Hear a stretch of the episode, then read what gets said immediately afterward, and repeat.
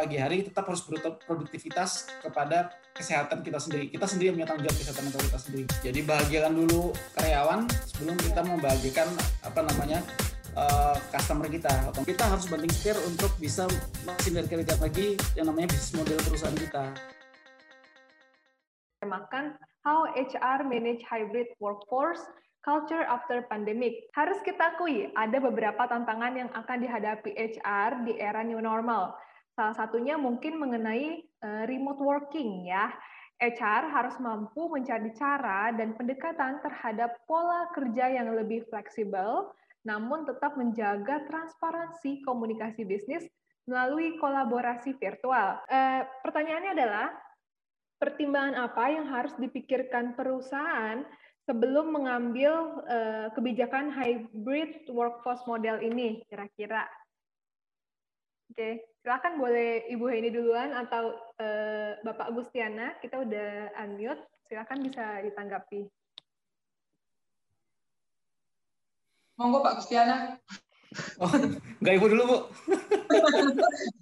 Okay uh, kalau beberapa literatur juga uh, beberapa benchmark ya dari beberapa klien saya juga Mbak Vera hmm. yang harus dilakukan adalah kebijakan mengambil kebijakan hybrid pertama ketika karyawan sudah mulai jadi kesehatan mental mereka mulai uh, dimotivasi itu yang pertama itu bagaimana melakukannya ya kita survei melakukan analisis survei ya analisis survei ke aspirasi mereka kita mintakan pendapat mereka bagaimana support dari perusahaan mulai tadi digital transformation, kemudian juga dari support atasannya. Yang paling mendukung sebenarnya adalah support dari atasannya. 80% responsibility dari atasan itu sangat mempengaruhi dari tingkat pada timnya. Jadi pada bisnis leader itu sekarang perannya sangat luar biasa. Jadi kalau hanya sekedar bukan true leader hanya sekedar manager I'm so sorry about that. Jadi mereka benar-benar tidak bisa bertransformasi. Pemikiran mereka masih kalau notabene masih jadul lah masih old school kalau bisa bilang. Nggak bisa benar-benar uh, outcome-nya ke depan bagaimana kita bisa uh, mengagility proses dari apa namanya uh, perubahan dari pandemi ini. Seperti itu mbak hmm, mbak Vera okay, siap, dan siap. ada pertanyaan juga dari Pak Abdi ya bagaimana kalau misalnya atasan tidak mendukung, perusahaan tidak mendukung? Karena saya lihat di kolom chat ya, hmm. kalau atasan tidak mendukung, perusahaan tidak mendukung, hasil kita sendiri harus uh, menciptakan kebiasaan yang disampaikan oleh Bu Heni benar sekali. Biasakan kita berolahraga. Jadi kalau saya sendiri di pagi hari tetap harus berproduktivitas kepada kesehatan kita sendiri. Kita sendiri punya tanggung jawab kesehatan mental kita sendiri. Minimal 10 menit untuk yang bisa namanya uh, apa namanya olahraga di dalam itu kalau misalnya selama itu saya rutinkan 10 menit itu olahraga rutin setiap hari kayak gitu. Tidak perlu yang namanya eh, teman-teman melakukan eh, kebiasaan apa namanya yang luar biasa. Misalnya saya mau setengah jam satu jam olahraga itu saya bilang nothing bullshit gitu ya saya bilang. Itu nggak mungkin banget. Jadi lakukan namanya small step aja baby step. Yang biasakan untuk olahraga exercise di rumah lakukan yang menjadi kesenangan kita kalau saya sendiri eh, sukanya adalah eh, apa namanya uh, stretching, stretching badan. Jadi kalau misalnya di pagi hari itu after saya sholat subuh berdoa pada Tuhan, habis itu saya stretching 10 menit itu sampai jam jam 6. Habis itu saya melakukan apa kegiatan-kegiatan dengan uh, apa uh, karena saya sekarang consulting ya, konsultan beberapa hmm. klien saya meeting seperti ini. Kayak gitu. Hmm. Itu Mbak Vera. Siap, siap. Makasih banyak Pak Gustiana untuk insight-nya. Uh, dari Bu Heni Bu, silakan Bu menambahkan Bu. Uh, ya, saya setuju dengan Pak Gustiana sih untuk poin ini. Jadi memang benar-benar um, walaupun saya selalu nya itu adalah kita semua nggak cuma dari leader atau business owner aja atau entrepreneur aja yang harus melek wake up wake up wake up gitu ya.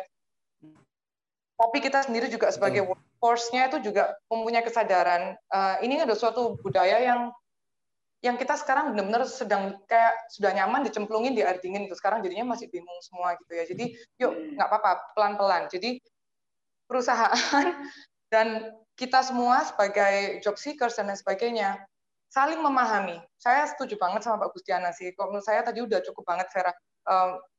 Banyak sekali faktor itu nggak bisa cuman cuman satu hal aja kita patok.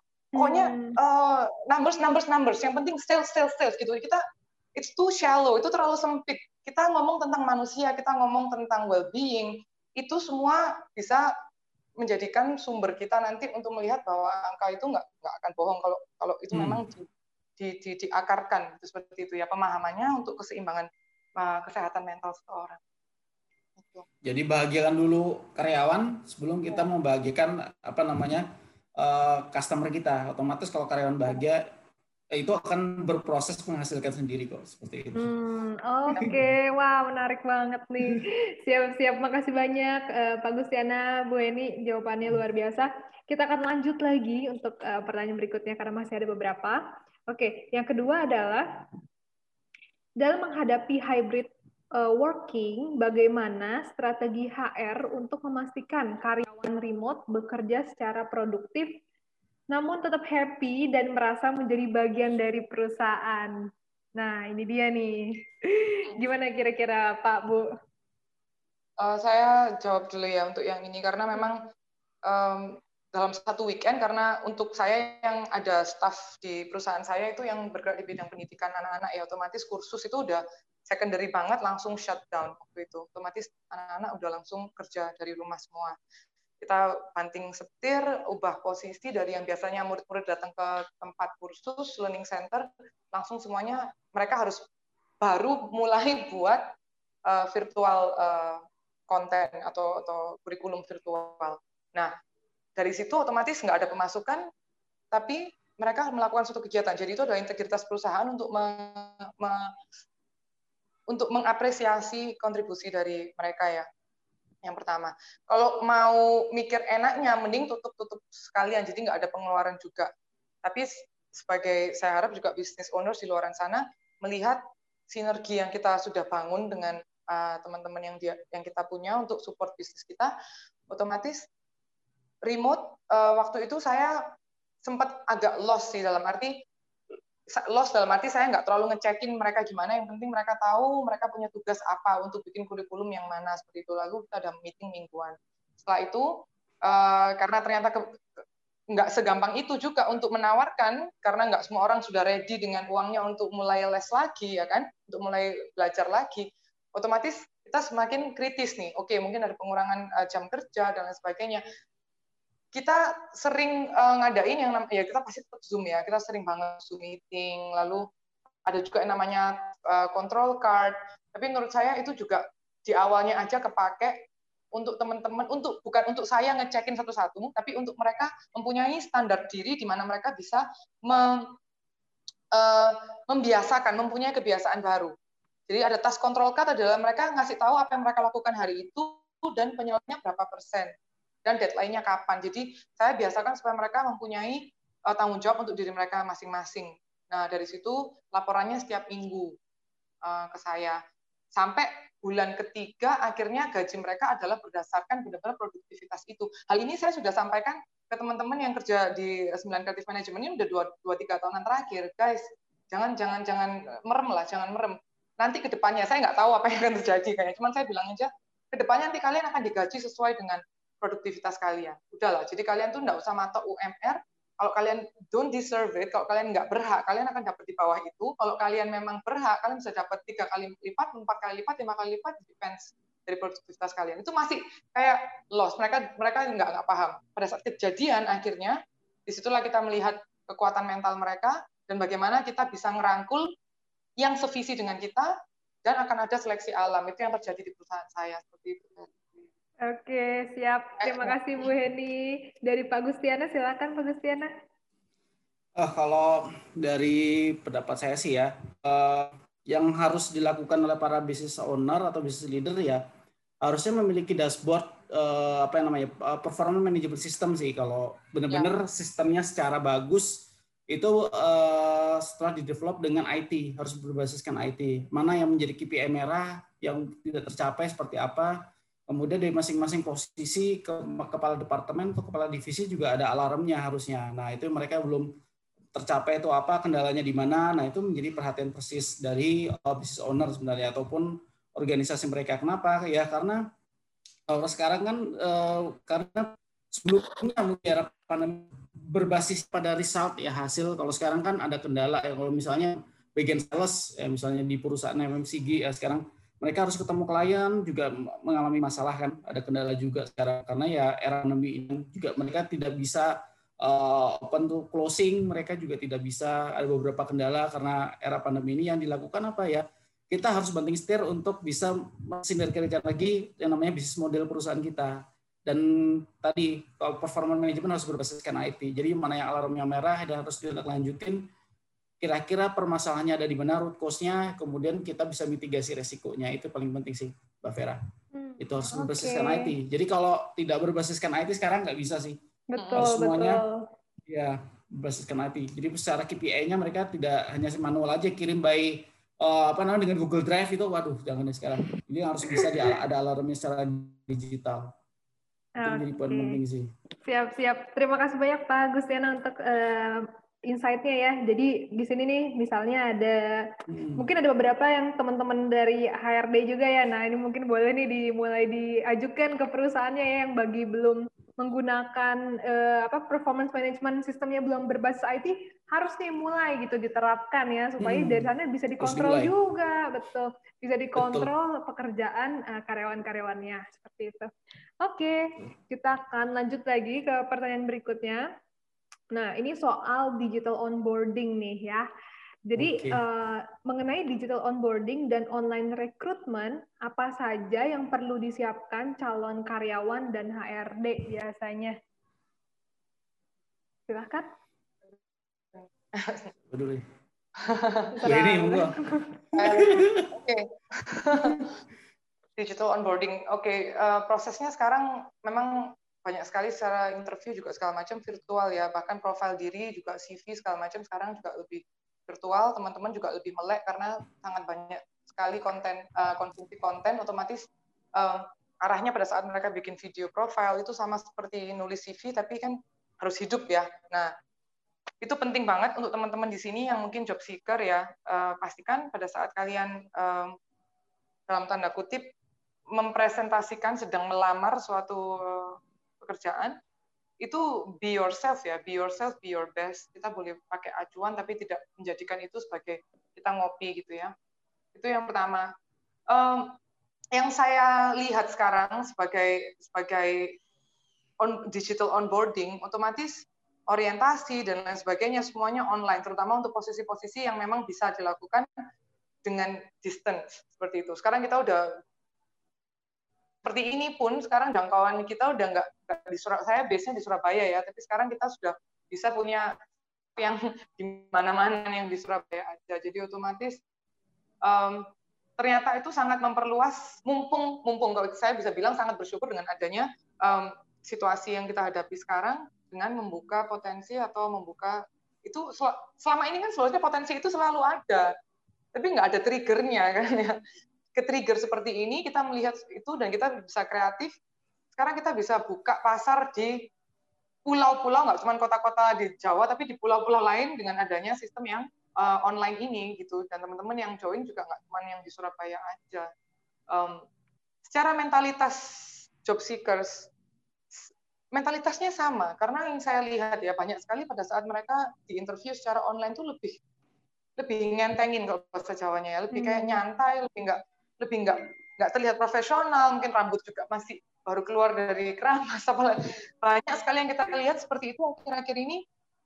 Ya otomatis tadi saya ngomong tentang citra diri professional image. Itu sama virtual nggak virtual? Karena itu citra dirimu. Ya, jadi kita bisa tahu juga aslinya gimana gitu ya. Jadi kalau dari saya nggak terlalu ngefek nggak terlalu beda banget. Otomatis uh, teknologi itu berperan sangat penting dan juga sudah memberikan saya dampak yang positif dari segi perluasan uh, market sih. Hmm, Oke, okay. thank you Bu Heni. Silakan ya, Pak Mantap, luar biasa. Hmm. Oke, okay. uh, eh, kalau sekarang yang paling penting di era digital seperti ini, teman-teman pastikan sosial medianya gunakan dengan bijak. Kemudian jangan pernah curhat uh, masalah kantor teman yang masa lalu gitu ya. Apalagi teman-teman misalnya ada masalah dengan atasan, dengan culture perusahaan, kemudian jangan curhat di medsos. Ataupun teman-teman yang masih uh, kuliah ya, jangan alay-alay juga di medsos. Itu yang pertama. Pasti para uh, talent acquisition ataupun uh, recruiter itu akan mengecek sosial media teman-teman baik itu di TikTok, di LinkedIn dan hampir 70 79 persen sekarang uh, para headhunter itu bergentayangan di LinkedIn.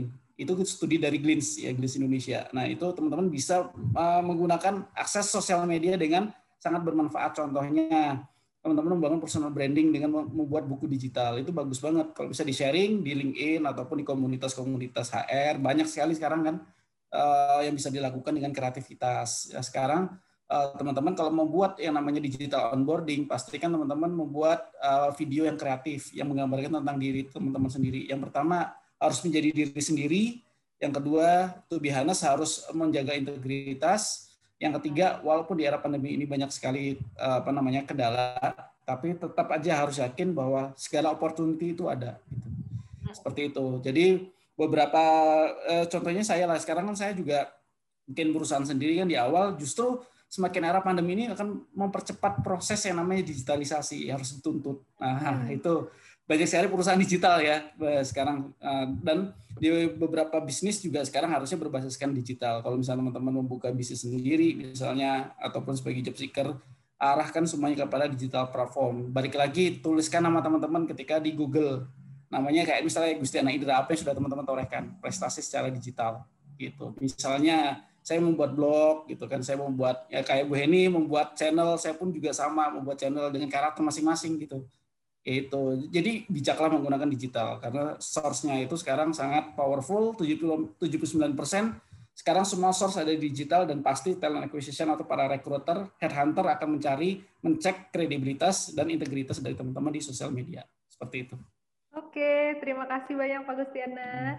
Bu Heni, kita akan lanjutin lagi nih. Tadi kita udah ngomongin tentang digital onboarding gitu ya. Jadi ada juga uh, rekrutmen secara online gitu. Nah, ini menarik nih. Kebetulan memang uh, beberapa waktu lalu sempat viral ya. Kalau misalnya main TikTok pasti tahu. Jadi yeah. uh, ya, jadi sempat viral salah satu brand minuman gitu ya. Sebut gak ya? Boleh deh sebut ya. Jadi namanya itu ST Indonesia mereka ini merekrut karyawan lewat video TikTok. Jadi uh, karyawannya sendiri harus bikin video TikTok yang nanti isinya ya kayak perkenalan segala macam dan lain-lain ya. Nah, menurut Bapak dan Ibu bagaimana kalau sebuah perusahaan menjalankan rekrutmen dengan cara seperti itu gitu ya? Dan bagaimana perusahaan bisa memaksimalkan teknologi dalam proses rekrutmen ini? Ya. Oke. Okay. Silakan dari Pak Gustiana dulu mungkin Oke, okay, Mbak Vera. Uh. sekarang saya pun uh, sebagai headhunter juga ya, consulting di bidang uh, talent acquisition kan. Sekarang kalau saya mencari para generasi milenial itu saya mencarinya ya lewat YouTube. Yang pertama channel YouTube-nya mereka, yang kedua mereka banyak dari TikTok gitu. Jadi hmm. sudah nggak lagi menggunakan CV yang duit sekarang apa namanya ketika mungkin sebelum pandemi itu mereka kan cuma satu halaman gitu kan.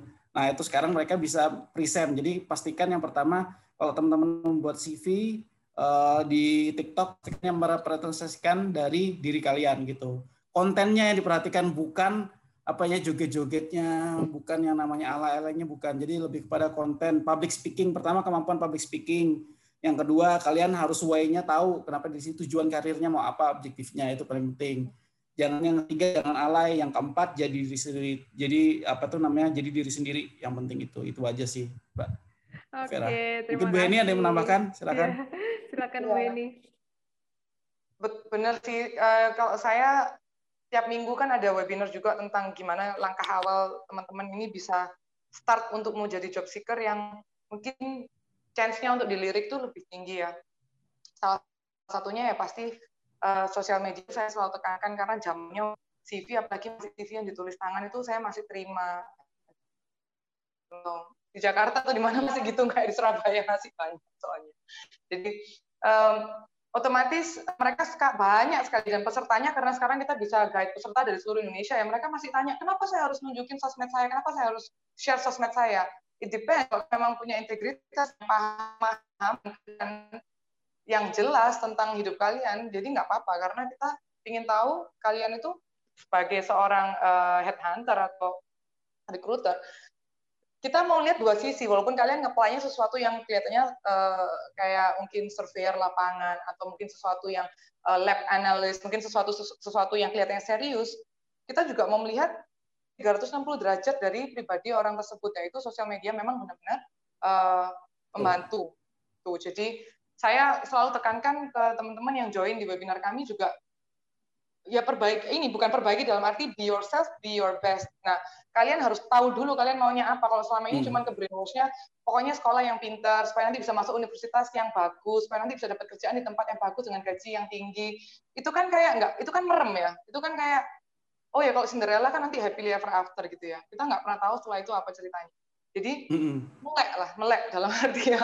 Jadi uh, tanggung jawab. Kalau memang oh ternyata selama ini tuh yang aku kuliah itu bukan passionku, oke okay, fine, jangan disesalin, move on. Jadi di sana lakukan kegiatan-kegiatan untuk menemukan what's your passion sekarang gitu ya. Jadi pada saat ngelamar pun juga dari segi kualitas ya. Jadi kita tipenya tipe sniper, jangan jangan rifle atau machine gun itu ya, di mana kita semua dilamar ya. Lebih baik kita hmm. satu minggu cuma ngelamar satu dua pekerjaan aja, tapi kita sudah research, kita sudah go through perusahaan itu visi misinya, kita sudah bisa membayangin berada di perusahaan itu gimana karena perusahaan sekarang juga semua udah go online, banyak kan kita bisa lihat dari uh, website mereka, Instagram mereka dan sebagainya.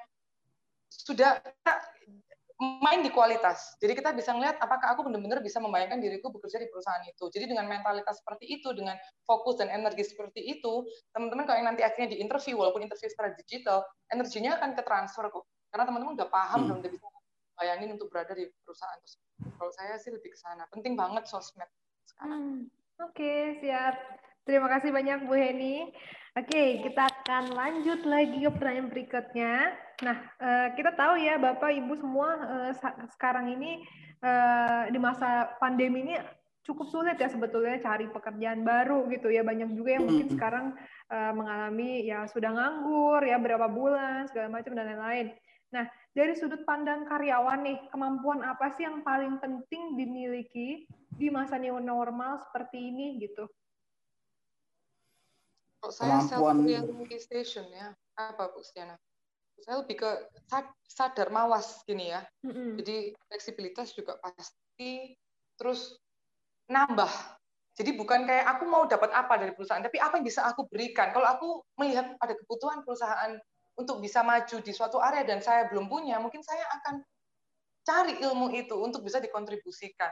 Saya akan lakukan, nggak cuma mikir kalau aku lakukan ini dapat lemburan berapa, itu udah nggak zaman ya, kayak teman-teman ya. Dikontribusi. Setuju. Setuju. Jadi sekarang eh, perusahaan pun juga dari sisi karya apa namanya job seeker sekarang juga struggle. Sekarang dari sisi perusahaan juga untuk bertahan juga sama, Mbak Vera. Sekarang hmm. juga mereka mengalami penurunan perubahan bisnis model juga shifting juga. Nah, mereka juga lagi struggle. Yang harus kita lakukan apa? Kontribusi apa yang bisa kita lakukan gitu. Kembali lagi kalau kita ada opportunity sekarang mungkin tadinya di perusahaan terbuka dan kita sekarang masuk ke perusahaan lokal ya lakukan dulu aja gitu kan. Sembari kita memperbaiki apa kualitas dari uh, kompetensi kita, teman-teman. Nah, kalau bisa ditambah lagi bukan hanya sekarang kalau HR ya, hanya sekedar ya tahu tentang rekrutmen, tahu tentang training, tahu tentang administrasi SDM, jangan hanya itu, kita belajar tentang personal branding, bagaimana ya karena hidup ini otomatis kembali lagi sebenarnya era sekarang kalau digital marketing ya, digital area sekarang ya digital marketing sebenarnya, sosial media sangat penting. Nah, pentingnya tadi kita mau tujuannya tuh apa sih? Temukan dulu passion ya. Nanti teman-teman kalau ingin sampai pensiun nanti setelah pensiun mau lakukan apa ya gitu. Apa yang menjadi apa tuh namanya yang bisa teman-teman melakukan itu benar-benar senang kemudian bisa menghasilkan kayak gitu. Kalau sambil teman-teman yang masih job seeker ya lakukan itu tadi temukan yang bisa menghasilkan suatu hal yang bisa menghasilkan sambil menunggu opportunity yang pas buat teman-teman sendiri itu sih. Oke, gitu. terima kasih. Siap, kita akan lanjut lagi ke pertanyaan berikutnya. Sebelum nanti kita ada ngambil pertanyaan juga dari para peserta ya.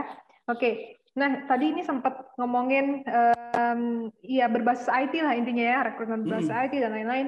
Nah, yang mau saya tanyakan adalah seberapa penting sih HR untuk menggunakan software as service atau aplikasi HRIS dan payroll berbasis cloud di masa pandemi seperti ini, terutama untuk mid enterprise dan juga UMKM. Oke. Pak. Oke, kalau dari saya pribadi, uh, apalagi sekarang sebelum pandemi pun sudah sudah shifting juga ya di perusahaan saya tadinya kan saya di LRT kan, di LRT Jakarta kan. Itu juga ketika saya, saya masuk perusahaan baru itu ya karena perusahaan startup, uh, saya melakukan shifting juga. Jadi semuanya mereka karyawan yang training itu juga berbasiskan knowledge management gitu. Jadi mereka bisa belajar mandiri, kemudian bisa apa namanya uh, bisa ujian sendiri, kemudian cetak sertifikat sendiri. Sekarang semua berbasis IT. Nah itu yang pertama. Uh, seberapa penting kalau sekarang kita melakukan rekrutmen berbasis IT? Ya penting banget karena sekarang semuanya udah uh, work from home ya. Cuma juga uh, sekarang semua by Zoom meeting, by Cisco Webex semuanya kan berbasiskan juga apa namanya webinar seperti ini. Jadi uh, teman-teman juga harus uh, apa namanya open minded juga ya artinya.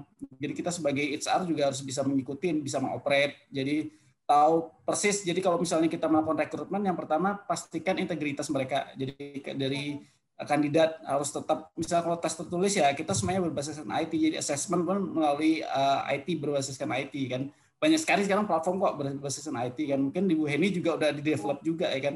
Assessment sekarang berbasiskan IT bisa juga dikerjakan jauh lebih cepat waktunya ya kan uh, source-nya juga secara uang juga lebih murah ya kan bisa dilakukan di mana pun. Yang pertama pastikan koneksinya itu internetnya juga teman-teman uh, kencang itu. Kalau misalnya belum seperti apa ya kita harus stop providernya yang benar-benar sesuai dengan daerah masing-masing itu yang paling harus dicek ya itu paling penting itu karena itu uh, krusial sekarang itu.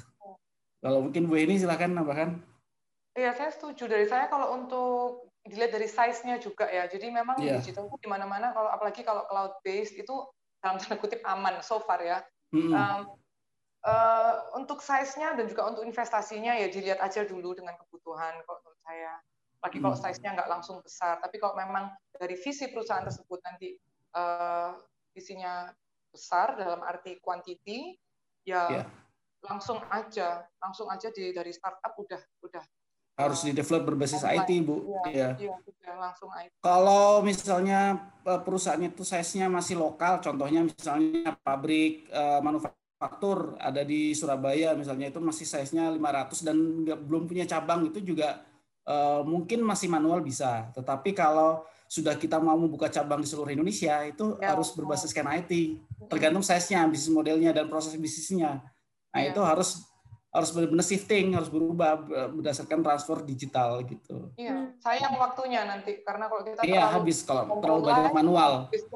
manusianya juga juga nggak efektif lah. Iya, betul. Hmm, oke oke siap. Terima kasih Bapak Ibu. Uh, Oke, okay. nah karena ini uh, mungkin saya sekarang akan mengambil beberapa pertanyaan dari para peserta-peserta juga ya Bapak Ibu yang sudah nanya di chat box. Hmm sambil nunggu ya Bapak Ibu, nanti juga kita akan membuka kesempatan bagi Bapak Ibu yang mau menanyakan langsung kepada panelis kita. Uh, silakan boleh menggunakan aplikasi raise hand di sebelah kanan bawah. Itu ada aplikasi raise hand ya yang kayak gini. Itu bisa dipakai nanti diklik aja.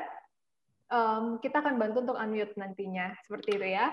Jadi yang mau nanya silakan bisa hand sekarang sambil saya juga uh, pilih beberapa pertanyaan ya. Ditunggu ya. Oke. Okay. Hmm, ada beberapa pertanyaan yang masuk. Hmm. Oke. Okay. Sip, ini ada pertanyaan dari Bapak Revit Ruhip Nur. Jadi, uh, selamat sore Bapak Gustiana, saya ingin bertanya. Sore. Sebagai manajer atau pimpinan, khususnya pada, mohon maaf ya, instansi atau institusi pemerintah, kelihatan kurang aware pada isu-isu semacam ini, entah karena terbatas oleh regulasi, entah sebab lainnya. Bagaimana seharusnya karyawan menyikapi kondisi semacam ini agar tantangan seperti stres, akses internet, dan sebagainya hmm. tidak menurunkan kinerja? Oke, okay. uh, eh, kalau dia tidak didukung dari segi pemerintah, kemudian dari dari perusahaan, ya kita paling tidak uh, tahu uh, kanal di perusahaan kita ketika untuk mengajukan aspirasi itu di mana? Di bagian paling tidak di bagian HR lah. Kita harus kenal orang HR ya paling tidak kita informasikan bahwa kita butuhnya tuh untuk pendukung pekerjaan tuh apa saja peralatannya ya kan. Kemudian cloud dibutuhkan kita tuh seperti apa karena setiap uh, perusahaan itu memiliki uh, karakter berbeda-beda organisasinya. Jadi juga teman-teman pikirkan lagi di tasis lagi kira-kira kebutuhannya itu apa saja untuk mendukung bisa bekerja di rumah gitu ya dari sisi kan digital uh, platformnya seperti apa, kemudian juga komunikasinya dengan atasan seperti apa, ya kan. Yang paling penting project manajemennya itu harus berjalan, harus tetap berjalan. Tadi KPI-nya kalau bisa berdasarkan IT, bisa di apa namanya bisa dilihat yang kira-kira masih rapot merah mana, yang masih kuning mana, yang oke okay masih hijau di mana, kemudian bisa tahu kurangnya di mana. Nah, yang paling penting adalah platform cloud itu persis Mbak Vera cloud yang berbasis cloud. Jadi kalau berbasis cloud itu notabene tidak terlalu mahal sih sekarang. Kenapa ya? Karena kebutuhannya kita semua bisa dimasukkan di satu pintu di sana kayak gitu. Seperti itu sih kalau saya. Oke, siap. Bu ini paling tidak kita telah? mengusulkan Tuh, silakan Bu Eni. Oh, enggak, enggak apa-apa, hmm. Oke, okay. mohon maaf Pak, tadi ada tambahan. Ya, kalau sekarang kalau kita sebagai karyawan hanya diem aja gitu ya, nggak punya usul, tidak eh, apa namanya memberikan usulan ke manajemen ya mereka tidak akan berubah. Jadi kita harus proaktif. Jadi karyawan proaktif dari diri kita sendiri lagi. Kembali lagi ya Bu ini saya sampaikan dari diri kita sendiri. Iya, wake up. Jadi dari kita, dari kita untuk bisa memperjuangkan kembali lagi. Itu jangan hanya sekedar ya udah terima kondisi aja. Jadi seperti itu, to be proaktif gitu. Wake up kembali lagi sih. Hmm, kita ya luar biasa. Oke. Okay. ya. siap. Terima kasih banyak Pak Gustiana. Nah di sini udah ada Kak Sabrina ya yang resen saya bantu untuk unmute bisa langsung nanya ya Kak ya. Oke okay, mohon diokein dulu. Sip. Halo? Yap. Halo? Halo Kak Sabrina. Kak Sabrina. Um, nama saya Sabrina Babil dari kampus Unsera. Ingin bertanya jadi saran sama upaya yang dijelaskan tadi oleh dua um, narasumber itu bisa berlaku di dunia kerja non perkantoran. Dunia kerja non perkantoran bisa juga, Mbak Mbak Sabrina. Contohnya perkantoran apa ya? Kalau bukan dunia perkantoran, contohnya apa? Usaha apa ya? Kalau online atau apa? Ya? seperti saya pengen bangun kafe gitu, Pak. Oh, Oke. Okay. Kalau kafe. sekarang bukannya masih kalau kafe hmm, platform digitalnya paling kalau Mbak Sabrina mau jual produknya aja. Contohnya misalnya menjual kopi ataupun apa tuh makanannya ya. Beberapa uh, merchandise juga di kafe itu bisa juga dijual online. Tapi kalau secara platform untuk karyawan bisa juga sih. Sekarang menggunakan HRIS jadi Human Resource Information System misalnya dari absen harus menggunakan platform gitu ya. Jadi mereka bisa akses di mana pun absen gitu kan. Kemudian kalau kalau kafe sih masih harus datang ya karena contohnya kalau bartender masih harus datang juga ke tempat ya ini. Karena ya kecuali kalau penjualannya melalui di rumah gitu ya dan dikirim delivery itu beda lagi. Tergantung bisnis modelnya. Kafenya mau seperti apa konsepnya? Kembali lagi harus detail bahasa Brina biar saya kasih suggestion juga lebih mengena gitu itu apa take away atau ke mereka harus datang ke kafe? Kalau ke kafe pun harus uh, berdasarkan protokol kesehatan ya. Harus menjaga jarak gitu kan kayak gitu. Konsepnya seperti apa dulu nih dari Mbak Sabrina? Konsepnya seperti apa? Kalau saya sih sebenarnya jadi kayak pengen buat kafe tapi kalian sama ruang belajar gitu.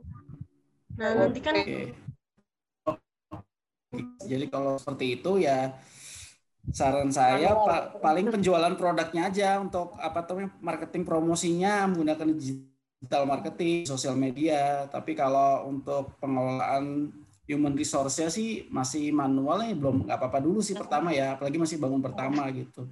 Kecuali nanti kalau sudah rame, sudah punya sumber daya, dari sumber daya apa? Sumber daya uh, uangnya, sumber daya semua people-nya, udah ada timnya, ya udah baru kalau misalnya lebih efektif menggunakan human resource information system ya di develop gitu. Tapi kalau untuk pertama ya belum sih kayak gitu Mbak Sabrina. Kayak gitu. Kasih. Kalau punya Bu Heni kayak saya, nah itu sudah menggunakan digital platform ya, oh. Zoom seperti ini, webinar gitu kan. Ya, gitu. Oke. Uh, dari Bu Heni mungkin ada tambahan lagi Bu Heni? Dari Sabrina ada yang butuh untuk ditambahkan atau sudah dapat ininya hmm, gambaran gimana? besarnya ya? Um, boleh sih kalau ya, ibu mau nambahin biar terbuka. Ini posisi belum belum direalisasikan kan ya kafenya? Belum, baru kan kata ibu harus kayak buat jurnal gitu kan. Setidaknya saya yeah. mau buat jangannya gitu. Oh, Oke, okay. good, good, good. Oke. Okay. Uh, stay in touch ya Sabrina ya, uh, biar biar kita juga bisa sama-sama saling gandengan lihat progres kamu ya.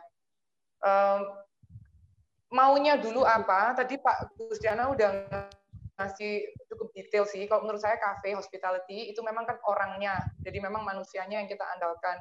dari situ nggak bisa didigitalisasi kecuali dari segi produk kamu mau packaging suatu hal terus kamu mau bisa distribute uh, di daerah tertentu atau satu Nusantara itu baru nanti kita bisa ngomongin secara online mungkin gitu ya Pak Gustiana. Kalau yeah, kalau kalau outlet ya sebisa mungkin yang online digital marketing sama uh, absensi dan lain sebagainya yang yang yang yang simple lah gitu jangan gini kamu mikir simple ya Sabrina ya karena mikir secara sederhana itu belum tentu gampang ya. Jadi sederhana tidak sama dengan gampang. Saya selalu bilang seperti itu. Jadi mikirnya simple aja. Karena kalau kamu mikir simple, uh, tantangan-tantangan yang datang nanti kreativitas tetap ngalir gitu. Karena kamu hmm. nggak hmm. nyari ribet dulu gitu. Jadi benar-benar hmm. Oke okay, as it comes gitu. Jadi kamu sudah memprediksikan, apalagi kamu catat, jadi udah ada uh, backup hitam di atas putih gitulah kalau kamu udah sering yeah. nyatet tentang progres.